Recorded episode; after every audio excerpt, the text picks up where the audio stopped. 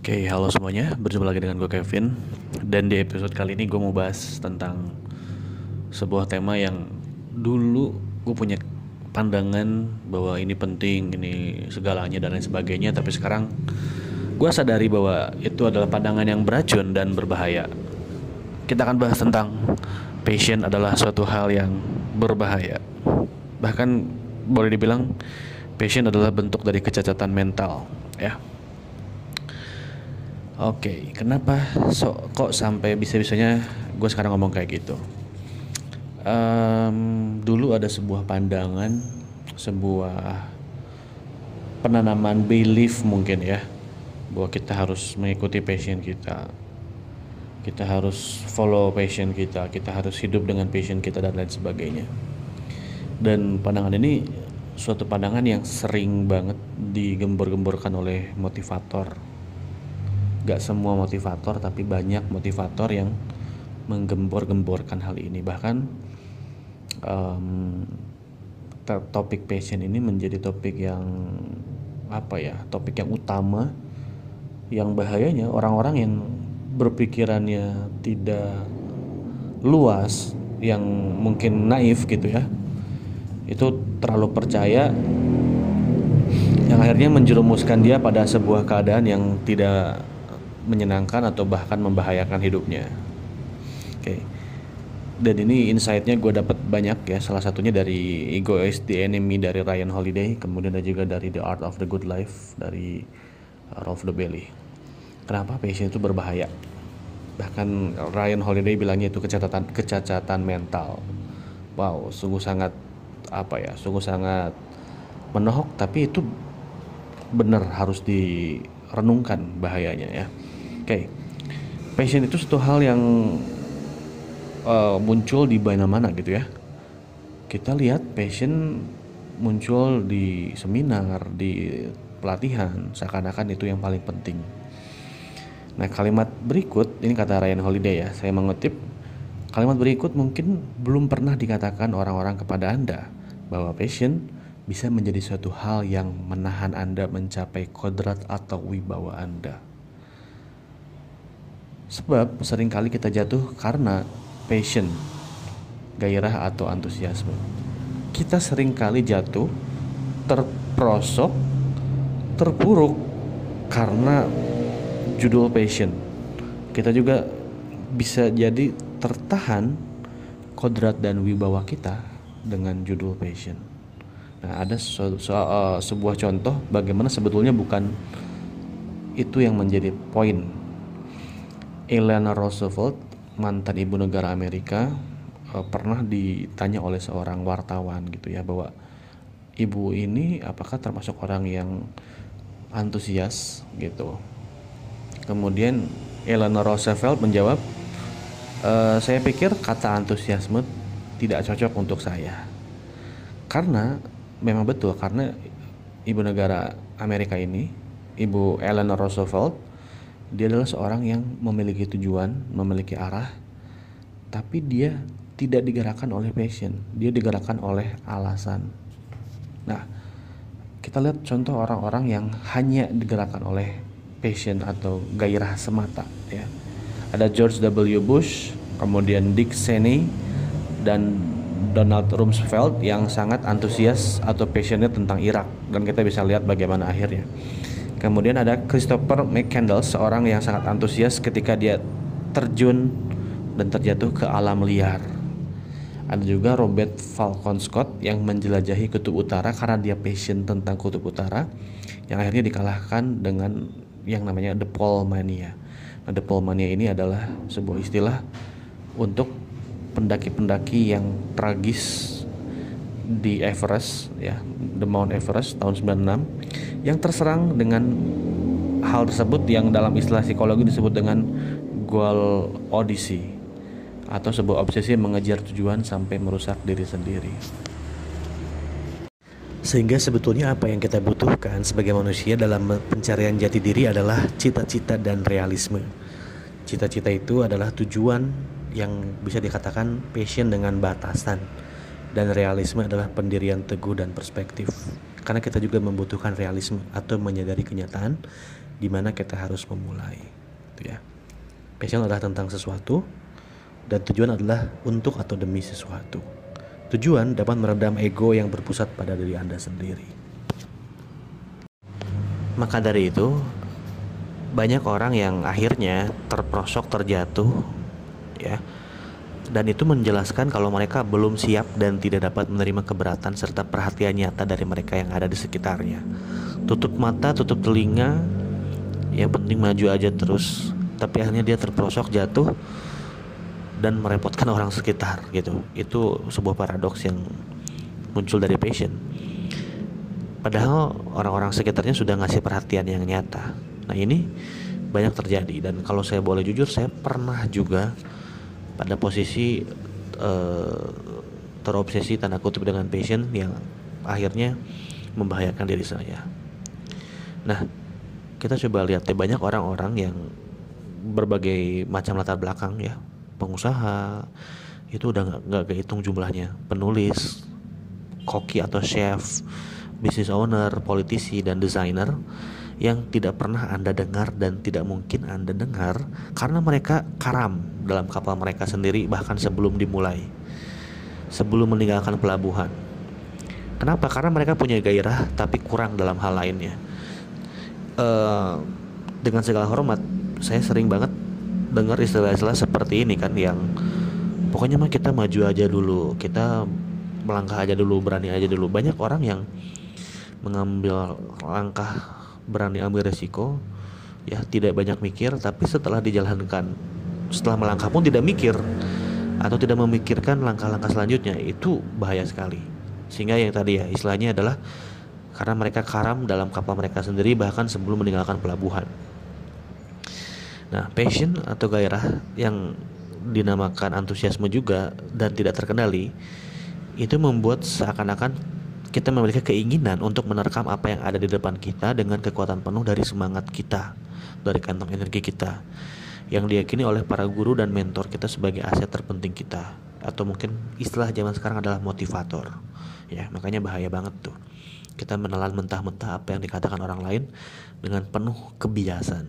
Mereka kalau dalam istilahnya Rolf Dobel itu ada yang namanya ilusi uh, ilusi survival, ilusi uh, kelestarian ya bias kelestarian. Jadi orang-orang cerita gitu kan tentang oh saya sukses menjadi seorang entrepreneur. Saya sukses menjadi seorang apa pun lah istilahnya. Tapi mereka hanya cerita di akhirnya saja. Mereka tidak cerita bagaimana proses mencapai itu yang secara jujur harus diakui belum tentu semua orang bisa. Atau belum tentu semua orang mau. Dan belum tentu seorang bisa melewati uh, survivor atau kelestarian tersebut. Nah, dan passion juga membuat orang-orang menjadi ambisius dengan samar. Motivasi yang terlihat tak berbahaya ini merupakan motivasi yang jauh dari jalan umum dan menyakitkan. Maka ingatlah bahwa fanatik terkadang hanyalah cara halus untuk menyebut tergila-gila, ya. Kita lihat contoh lain. Kalau tadi kita udah lihat uh, Eleanor Roosevelt ya, orang yang mendeskripsikan dirinya bukan orang yang terlalu bersemangat tapi dia digerakkan oleh tujuan, digerakkan oleh uh, alasan. Nah, ada juga seorang pebasket muda bernama Lewis Alkindor Junior yang memenangkan kejuaraan nasional bersama John Wooden di UCLA. Nah, dia ini mendeskripsikan pelatihnya John Wooden dengan satu kata yaitu dispassionate atau seperti tidak bersemangat. Karena Wooden mengatakan emosi berlebih itu bisa menjadi beban. Disadari atau tidak inilah yang dihadapi oleh orang-orang yang dalam tanda kutip saya harus bilang mohon maaf mabok passion ya atau budak passion karena emosi berlebih itu menjadi beban. Nah, si pemain ini yang bernama Lewis Alkindor Junior ini akhirnya ganti nama menjadi Karim Abdul Jabbar, seorang pebasket yang sangat terkenal dan dia mengakui bahwa pelatihnya itu sangat luar biasa. Sosok yang tidak berlebihan ya. Kemudian uh, Lady America, First Lady Amerika Eleanor Roosevelt pun yang tadi dibahas di awal dia terkenal bukan karena passionnya tapi dia terkenal karena kemampuannya bersyukur sikap tenangnya dan pemikirannya mengenai tujuan. Nah apa yang perlu ditekankan sebetulnya bukan passion tapi kejernihan niat kebulatan tekad yang struktur terstruktur. Nah kalau kita uh, pikir-pikir lagi ya khususnya orang-orang yang memberikan motivasi ya atau motivator-motivator tentang passion sering kali selalu menekankan hal, hal seperti ini. Saya ingin melakukan titik-titik misalkan saya ingin melakukan bisnis menjadi yang terbaik dan terbesar. Wih, itu sering banget ditiupkan. Kemudian menjadi seorang pebisnis termuda sukses semudah mungkin gitu kan kemudian saya ingin jadi seorang pebisnis yang pertama dan terbesar. Nah kalimat-kalimat ini oke okay, silahkan baiklah kalau mau ya. Dan yang perlu dilakukan adalah langkah-langkahnya ABCD disebutkan. Tapi realitanya kita mendengarkan apa yang hanya ingin kita dengar pada akhirnya. Kita melakukan apa yang ingin kita lakukan di samping menjadi sangat sibuk dan bekerja sangat keras. Jadi kita akhirnya blindfolded.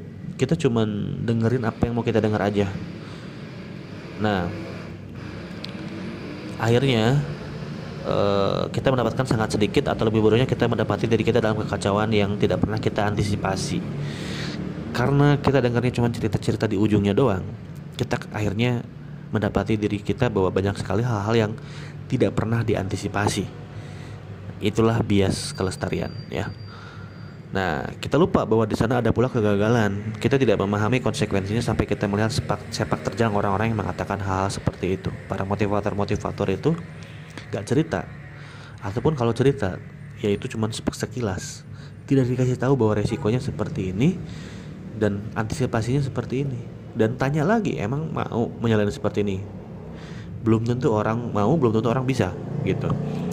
Nah akhir tragis dari cerita menuju alam liar adalah hasil dari kenaifan dan kurangnya persiapan.